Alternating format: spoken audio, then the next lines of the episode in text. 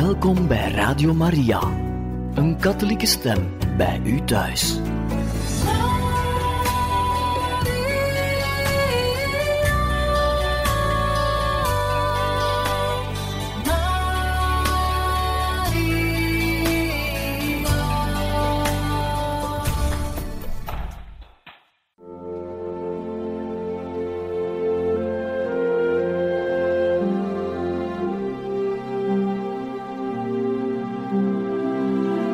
Beste luisteraars van Radio Maria, welkom bij het programma Catechismus. Een overweging bij de geloofschat van de kerk.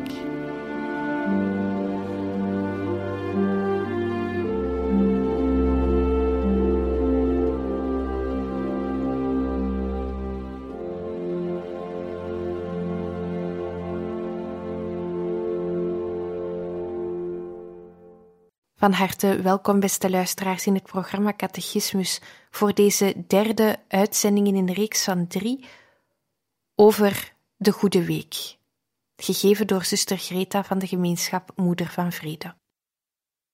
Beste luisteraars van Radio Maria, in deze catechese over de Goede Week zullen we het hebben over de paaswaken. De paaswaken is eigenlijk het hoogtepunt van het kerkelijke jaar, het hoogtepunt ook van het leven van elke christen. Want in de paaswaken herdenken wij de verrijzenis van onze Heer. We vieren de kern van ons geloof. Jezus die gestorven is aan een kruis, is niet in de dood gebleven, maar door God tot nieuw leven opgewekt.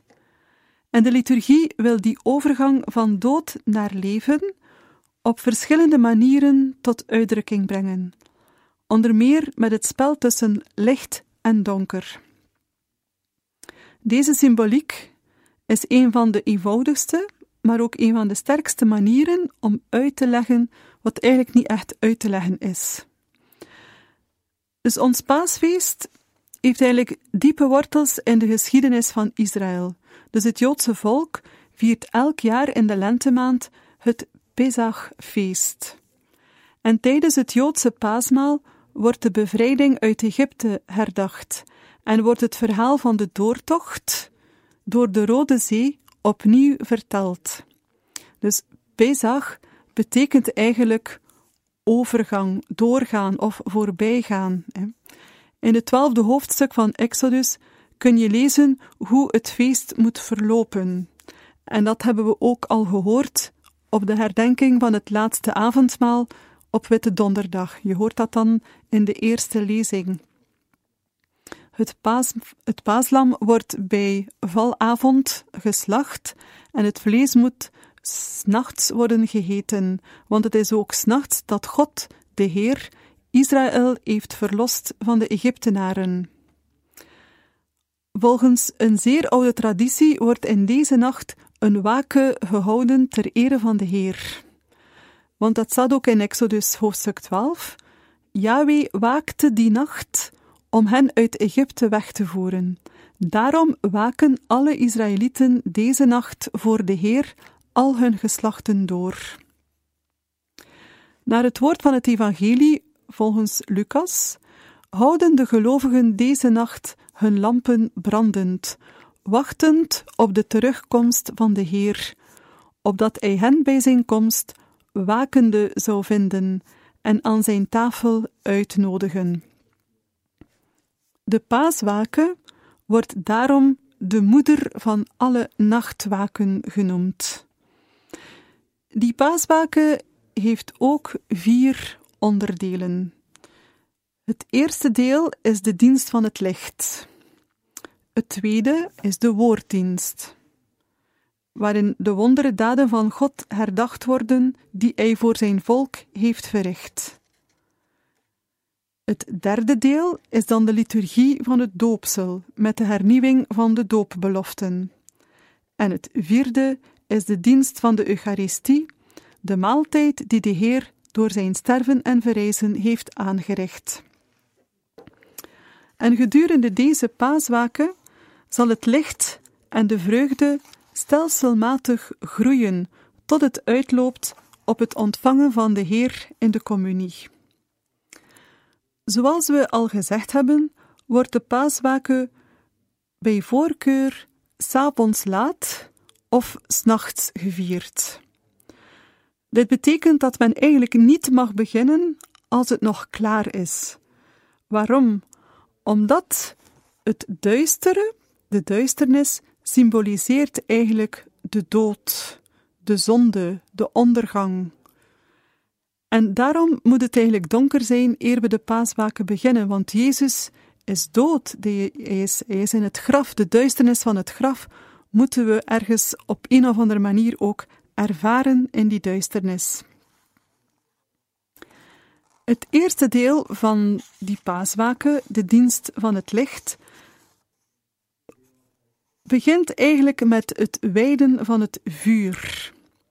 Dus alle lichten worden eerst gedoofd. Dus de kerk is donker, alle kaarsen zijn uit. Dus men ervaart eigenlijk een beetje op die wijze de duisternis van de dood. Op een geschikte plaats buiten wordt een vuur aangelegd. En daar wordt het volk ook verzameld. Ook de priester en de dienaren die komen samen bij het vuur. Als er een diaken is, dan draagt hij de paaskaars, die nog gedoofd is, uiteraard. De priester die begroet aan het volk en hij zegt in het kort het belang en het verloop van deze waken. En dan gaat hij het vuur wijden met een gebed. En als het vuur is gewijd, dan wordt de paaskaars bekleed met symbolen. Tegenwoordig, als je de paaskaars koopt, dan staan die symbolen er al op voorhand op. Maar eigenlijk is het de bedoeling dat deze symbolen, het kruis is dat dan, eh, de alfa, de omega, die Griekse letters, en dan ook de cijfers van het jaartal, dat die op het moment van de paaswaken er worden op, opgehangen. En daarbij zegt de priester dan ook telkens een zin. Dus hij zegt: Christus, gisteren en heden, begin en einde, Alpha en Omega. Hem behoren tijd en eeuwigheid, heerlijkheid en heerschappij, door alle eeuwen der eeuwen. Amen. En vervolgens wordt door de priester de vijf paasnagels in de vorm van een kruis aan de uithoeken van het kruis op de paaskaars geduwd. En de priester zegt daarbij ook de volgende woorden: Door zijn heilige, glorievolle wonden beschermen en behoeden ons Christus de Heer. Amen. Dus vijf paasnagels worden in de kaars geduwd als herinnering aan de vijf wonden van de Heer die hij op het kruis voor ons heeft ondergaan. En eens dat de nagels in de kaars zitten, gaat de priester dan de paaskaars aansteken aan het nieuwe vuur. En hij zegt daarbij de woorden: Het licht van Christus' glorievolle verrijzenis mogen uit ons hart en onze geest de duisternis verdrijven. Nu is de paaskaars ontstoken, één vlammetje. De diaken, ofwel de priester, die houdt de kaars nu recht omhoog en hij zingt Licht van Christus en wij antwoorden Heer, wij danken u. En nu gaat de processie weer op gang. We gaan op weg naar de kerk, die nog donker is, en de diaken of de priester met de paaskaars die gaat voorop, en dan volgt het volk daarachter. Het ene lichtje in de duisternis gaat voor, en eenmaal aan het kerkportaal gekomen, dan blijft de priester staan. Hij heft de paaskaars nogmaals omhoog voor de tweede maal en hij zingt Licht van Christus. En we antwoorden: Heer, wij danken u. En nu, alle gelovigen die, die volgen, die hebben een kaars in de hand. En nu wordt het vuur van die paaskaars doorgegeven. Dus iedereen ontvangt het licht van de verrijzenis. Iedereen ontvangt het vuur van de paaskaars. Het wordt doorgegeven aan elkaar. Het licht groeit. Dus het ene vlammetje breidt uit. De kerk die duister is, die wordt een zee van licht. En zo groeit het licht in de kerk en zo groeit ook het geloof van ons, van ons hart in de verrijzenis. En als iedereen licht heeft, dan gaat de processie verder naar het altaar tot voor de trap en dan gaat de diaken of de priester, die keert zich om naar het volk en die zingt dan een derde maal licht van Christus en we antwoorden, Heer, wij danken u. Dus eigenlijk zoals men op Goede Vrijdag driemaal het kruis omhoog heft om aan het volk te tonen waaraan de redder van de wereld heeft gehangen, zo gaat men in deze processie driemaal het verrijzenislicht omhoog heffen van de paaskaars om aan de mensen te tonen dat niet de dood het laatste woord heeft, maar wel het leven. Men gaat dan de paaskaars heel plechtig op de kandelaar plaatsen, die niet zo ver van de lezenaar staat, en dan gaat de diaken of de priester um, de paasjubelzang zingen. Dus de lofzang eigenlijk op de verrijzenis, de lofzang op de paaskaars. En die paasjubelzang is eigenlijk een prachtig loflied, een jubelzang op de overwinning van Christus op de dood, een hymne die de vreugde uitdrukt van de verrijzenis. Ook het volk kan delen in deze jubelzang. En nu gaan alle lichten ook aan in de kerk en baat de kerk dan eigenlijk in een mooi licht, van duisternis naar licht, van dood naar leven. En nu begint de woorddienst van deze paaswaken. We noemen het ook eigenlijk een Bijbelwaken. Want voor deze waken, die dan de moeder is van alle nachtwaken, worden zeven lezingen genomen uit het Oude Testament en twee uit het Nieuwe Testament. De voorlezing van het Woord van God maakt eigenlijk het meest fundamentele element uit van deze paaswaken. Want we overwegen daar hoe God, die ons geschapen heeft, zijn volk heeft gered. En dat hij in de volheid van de tijden zijn zoon heeft gezonden om ons te verlossen van de eeuwige dood. Men kan wel het aantal lezingen uit het Oude Testament uh, beperken of inperken tot minimum drie. Dus van zeven naar drie.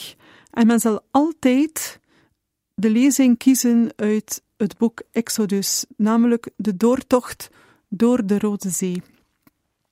En ik zet voor u even deze zeven lezingen op een rijtje. Dus men begint eigenlijk met het scheppingsverhaal uit Genesis. Het verhaal van de eerste zeven dagen van de schepping, die vindt eigenlijk zijn bekroning op Pasen. Jezus is de eerstgeborene van de nieuwe schepping.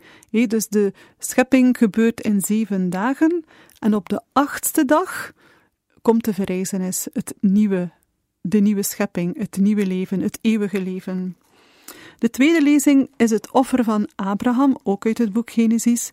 Dus dat is eigenlijk de voorafbeelding van het offer van Christus. De offer, het offer en de bevrijding van Isaac zijn een voorafbeelding van de offerdood en de verrijzenis van de Heer.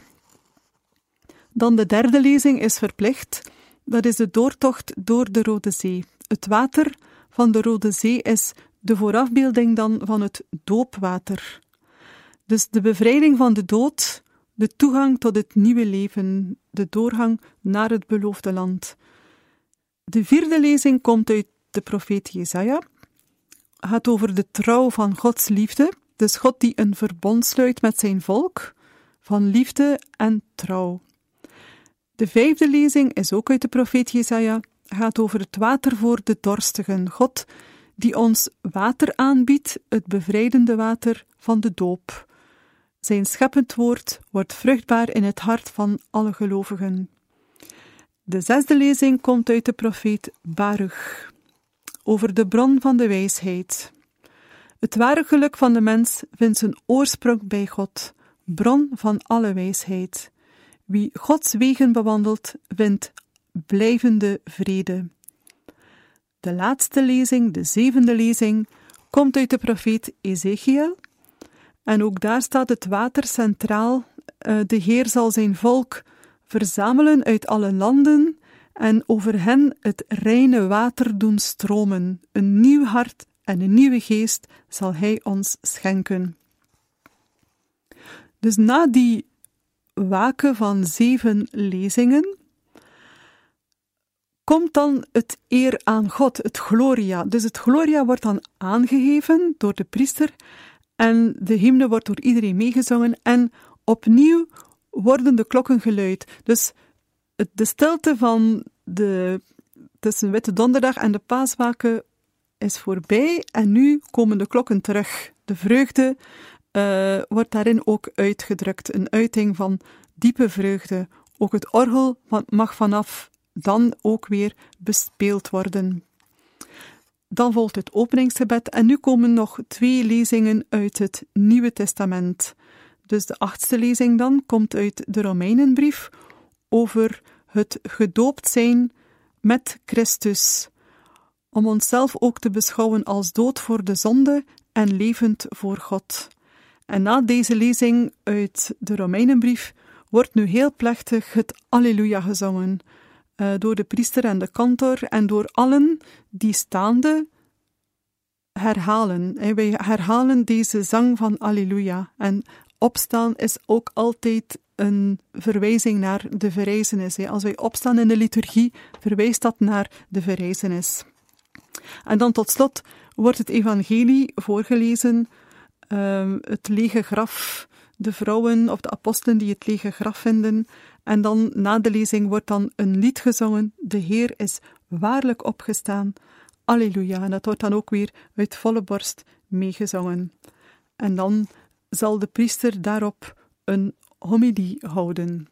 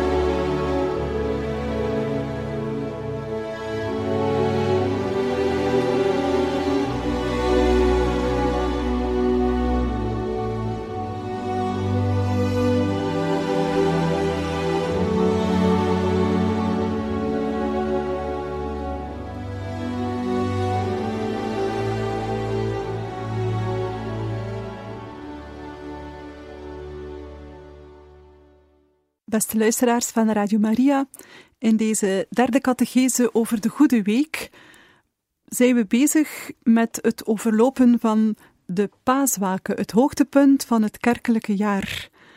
En voor de pauze waren wij bezig of hebben het gehad over de dienst van het licht en ook de dienst van het woord, de Bijbelwaken, die gedurende deze paaswaken wordt gehouden. Na de dienst van het woord volgt dan de liturgie van het doopsel. De liturgie van het doopsel in deze paaswaken verschilt wel een beetje al naar gelang er een doopsel plaatsvindt of niet. Het is heel zinvol om in de paasnacht het doopsel toe te dienen aan de doopleerlingen. Want in de eerste christelijke gemeenschap, uh, aan de oorsprong, werd enkel het doopsel toegediend in de paasnacht, omdat de volwassen doopkandidaten door het doopsel van het oude leven overgaan naar een nieuw leven met Christus. Dus zij sterven aan het oude leven om op te staan tot een nieuw leven met Christus. Dus is eigenlijk ook een beetje sterven en verrijzen. Vandaar dat het ook heel sterk is om in de paasnacht het doopsel toe te dienen. In de oudste christelijke kerken, bijvoorbeeld uh, de kerk van Sint-Jan van Lateranen in Rome, is er een doopkapel of baptisterium uh, buiten het kerkgebouw. Of in sommige kerken is het doop, de doopvond meestal achteraan in de kerk of zelfs buiten de kerk. En waarom is dat? Omdat doopleerlingen nog niet echt christenen zijn en dus ook nog niet echt tot de kerk behoren. Daarom mochten zij nog niet in de kerk binnenkomen, maar moesten zij buiten of achteraan in de kerk blijven. Dus bij het doopritueel moesten zij hun oude leven afleggen en symbolisch deden ze dat door hun kleren uit te doen in de richting van het westen. Dus misschien weet je dat of weet je dat niet, maar de meeste oudere christelijke kerken zijn zo gebouwd dat het hoogaltaar gericht staat naar het oosten en dat de ingang van de kerk gericht is naar het westen. Dus het westen staat voor de zonsondergang, waar de duisternis valt en dus de dood voorstelt. Dus dat oude leven dat zondig was en de dood met zich meebracht, in, die richting leggen ze dus uh, hun kleren. Uh, het oude leven, tenminste dat zondig was, leggen ze af. En vervolgens daalden zij af met trapjes naar beneden in het water, in het nieuw gewijde doopwater. En ook dit afdalen naar beneden symboliseert eigenlijk het sterven van het oude leven, het afwassen van de zonde, de doortocht door die Rode Zee. Dus dat, dat is heel sterk symbolisch ook. Driemaal werden ze ondergedompeld, in de naam van de Vader, de Zoon en de Geest, en ze stegen dan terug op uit het water in de richting van het oosten. En het oosten, dat staat dan weer voor de zonsopgang, de dageraad, het licht, het nieuwe leven dat aanvangt. De gedoopten gaan nu een nieuw leven tegemoet. En ze werden bekleed met Christus, ze ontvingen een wit doopkleed en ook een brandende kaars. En verder uh, ontvingen ze ook het sacrament van het vormsel, ze werden ook gezalfd, en mochten ze ook voor de eerste keer meevieren uh, in de Eucharistie en ook de eerste keer de heilige communie ontvangen. Dus eigenlijk die drie initiatiesacramenten werden vooral in de paasnacht voor de eerste keer toegediend aan de doopleerlingen. Nu, in de huidige paasliturgie, dus als wij de paaswaken vieren, verloopt de liturgie van de doopsel uh, op deze wijze. De doopkandidaten, als er doopkandidaten zijn, volwassenen dan, dan worden die eerst aan de kerk voorgesteld, aan de gemeenschap voorgesteld, en dan gaan we in processie naar de doopkapel. Dat is dan achteraan of buiten de kerk. Men zingt dan ook de litanie van alle heiligen, om hun bijstand te vragen. Het doopwater wordt dan gewijd, en in dit gebed wordt expliciet verwezen ook naar de doortocht van de Israëlieten door de Rode Zee. Ook horen we in dit gebed de gedachtenis van het kruis en het verrijzenis gebeuren. En aan het einde van dit wijdingsgebed laat de priester dan de nieuwe paaskaars tot drie keer toe zakken in het doopwater, terwijl hij zijn gebed dan eindigt. En daarna, een keer dat het water dan gewijd is, gaan de doopkandidaten hun doopbeloften afleggen. Wat houdt dat dan in? Zij zeggen dus of zij verzaken aan het kwaad en zij drukken hun geloof uit in God de Vader, in Jezus zijn Zoon en in de Heilige Geest. En dan worden zij gedoopt met het nieuwe doopwater, worden ze bekleed met een wit doopkleed en ontvangen zij de doopkaars die ook ontstoken werd aan de paaskaars. Als het volwassenen zijn die gedoopt werden, dan worden zij ook gevormd en tenslotte kunnen ze ook de communie dan ontvangen. Ja. Maar als er geen doopsel is, dan wijt de priester het water dat in een ketel of in de doopvond vooraan staat, met een aangepast gebed en vervallen alle andere rituelen.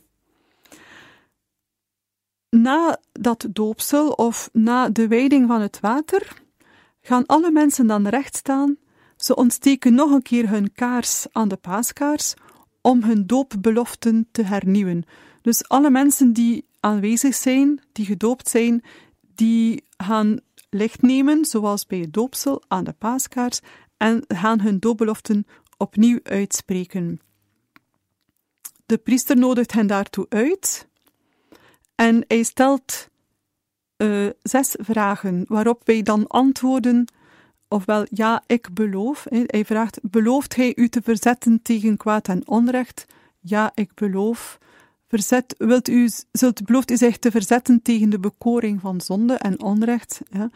Belooft u de Heer uw God te dienen en uw naaste te beminnen? Ja, ik beloof. En dan stelt hij de vraag: Gelooft u in God, de Almachtige Vader, Schepper van hemel en aarde? Dus hij gaat de hele geloofsbeleidenis in een vraag uh, stellen aan de gelovigen, waarbij we telkens antwoorden: Ja, ik geloof. Het is het plechtig hernieuwen van onze doopbeloften. Want bij ons eigen doopsel hebben we dat niet zelf kunnen uitspreken. We waren nog te klein, onze ouders deden dat voor ons. Maar nu hebben wij de kans om zelf plechtig te beloven en te uit te spreken dat wij geloven in God. Na het hernieuwen van de doopbeloften volgt dan de voorbede. En daarop gaat de priester dan de kwispel in het nieuw gewijde water dopen en gaat hij rond om iedereen te besprenkelen met het nieuw gewijde water. Dus ook weer een verwijzing naar ons eigen doopsel, waarbij we gezuiverd worden van de zonde. En dan volgt dan het laatste deel, de dienst van de Eucharistie. Die gaat dan op de gewone wijze verder. Als er nieuw gedoopten zijn, brengen zij de gaven aan van brood en wijn. En men gebruikt de privatie van Pasen. En opnieuw kan de consecratie door de priester gezongen worden. En bij het wegzenden op het einde van de dienst, dan kan de priester zingen of zeggen: Gaat nu allen heen in vrede, Alleluia, Alleluia. En wij antwoorden dan: We danken God, Alleluia, Alleluia. En zo uh, is de vreugde van Pasen dan uh, volledig. Hè. Dan op Pasen, op Pasen zelf, Paaszondag, vieren we dat Jezus drie dagen na zijn kruisiging is opgestaan. Het is ook trouwens de derde dag van het Paastriduum. Jezus leeft dwars door de dood heen.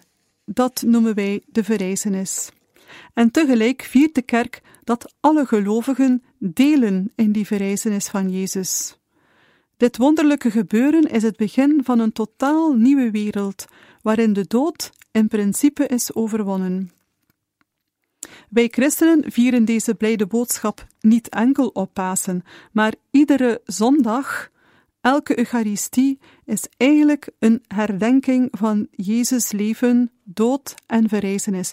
En daarom is elke zondag eigenlijk een mini-paasfeest. Daarom ook dat in de 40 dagen tijd de zondag niet meetelt als vastendag. Het is ook geen vastendag. Um, nu, geen enkele schrijver van de Bijbel heeft uh, een, een rechtstreeks getuigenisverhaal over de verrijzenis. Wel vertellen ze over de leerlingen die uh, het lege graf vinden. Maar de verrijzenis zelf wordt eigenlijk door niemand uh, beschreven. En de verlammende ontmoediging van de leerlingen, die gaan over tot enthousiasme, tot geloofsverkondigers. En ze schrijven dat toe aan de ontmoeting met de levende Jezus. Denken we maar aan Maria Magdalena bij het graf. Ze staat te schreien, ze ontmoet Jezus, ze herkent hem dan en ze gaat vol vreugde terug naar de leerlingen. De leerling van Emmaus, die helemaal ontmoedigd uit, uit Jeruzalem terugkeren.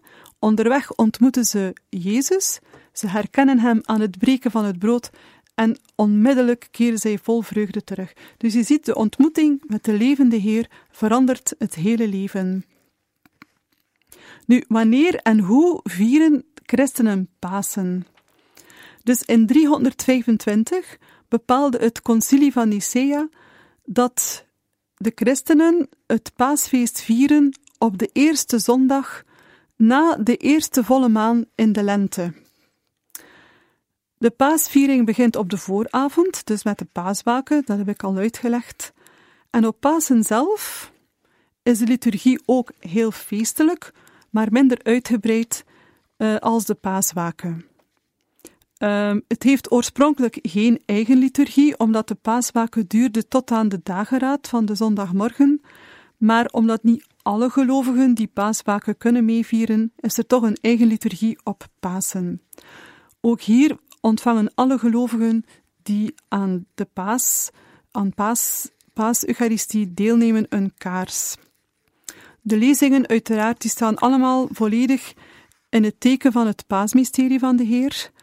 Um, ook het evangelie is het verrijzenisverhaal volgens Johannes. Na de homilie hebben we ook een kleine doopliturgie. Um, opnieuw kunnen alle gelovigen hun kaars aansteken aan de paaskaars en worden de doopbeloften hernieuwd, net zoals in de paaswaken. En dan volgen ook de voorbeden, waarop de priester ook opnieuw alle gelovigen gaat besprenkelen met het nieuw gewijde water, ter herinnering aan het doopsel, waardoor wij dan herboren zijn. En verder, in Rome houdt de paus elk jaar op Pasen bij de Sint-Pietersbasiliek een toespraak en dan geeft hij ook zijn zegen, Urbi et Orbi, letterlijk de zegen voor de stad en voor de wereld. En hij wenst dan iedereen een zalig paasfeest. Met Pasen begint de kerk ook de paastijd. En die paastijd die duurt langer dan de vastentijd. Dus de vastentijd duurt 40 dagen, maar de paastijd die duurt 7 weken. Dus dat is 7 maal 7 dagen, dat is 49 plus 1 is 50. Dus de paastijd duurt 50 dagen. Dat is tot aan Pinksteren. Pinksteren betekent trouwens ook de 50ste dag. Dus de vreugde van het paasfeest moet overvloediger en langer duren dan de vastentijd. Dat is ook een beetje een voorafbeelding van het eeuwig leven. Dus ons leven hier op aarde duurt lang, maar het eeuwig leven duurt nog veel langer. Dus de vreugde, de overwinning moet langer duren en moet vreugdevoller zijn dan het leven hier op aarde. Wij katholieken, wij willen ons goed voorbereiden op Pasen. Dus je Pasen houden noemde dat vroeger en dat betekende dat we in de voorbereiding op Pasen of rond Pasen, of toch zeker in de paastijd, dat we onze zonden gaan beleiden in de biecht en ook de communie ontvangen. Dus ons hart wordt helemaal klaargemaakt voor die ontmoeting met de verrezen Heer. Wat is nu de betekenis van Pasen voor ons vandaag? Omdat Jezus verrezen is, krijgt alles wat Jezus tijdens zijn leven deed eeuwigheidswaarde. Het geloof in het leven en de verrijzenis geeft het leven hier en nu oneindig veel zin en betekenis. Dus de verrijzenis is eigenlijk de ervaring en het verlangen van liefde die nooit dooft, Die liefde is God zelf. God sterft niet. De liefde van God houdt niet op bij de grens van de dood. Zij gaat op een onvoorstelbare nieuwe manier dwars door elke vorm van dood heen. De verrijzenis is eigenlijk de vernietiging van de dood, van de, van de vernietiging. Ja. In alles wat Jezus deed, maakte hij de banden los van het kwaad. Het kwaad dat verlamt, dat blind, doof en ook letterlijk dood maakt. En omdat Jezus verrezen is, blijft hij dat vandaag ook nog steeds doen als de levende Heer. Na de droevige dagen van Goede Vrijdag en Stille Zaterdag, in het leven van ieder mens, wordt het telkens opnieuw, elke dag weer, als was het voor de allereerste keer ochtend, een nieuwe schepping. Paasmorgen is het lichtende begin van deze ultieme eerste dag. Beste mensen van Radio Maria, beste luisteraars, ik hoop, of wij hopen dat jullie aan deze catechese van de Goede Week uh, iets hebben gehad. En wij hopen ook dat jullie straks een zalig paasfeest mogen vieren. Peace.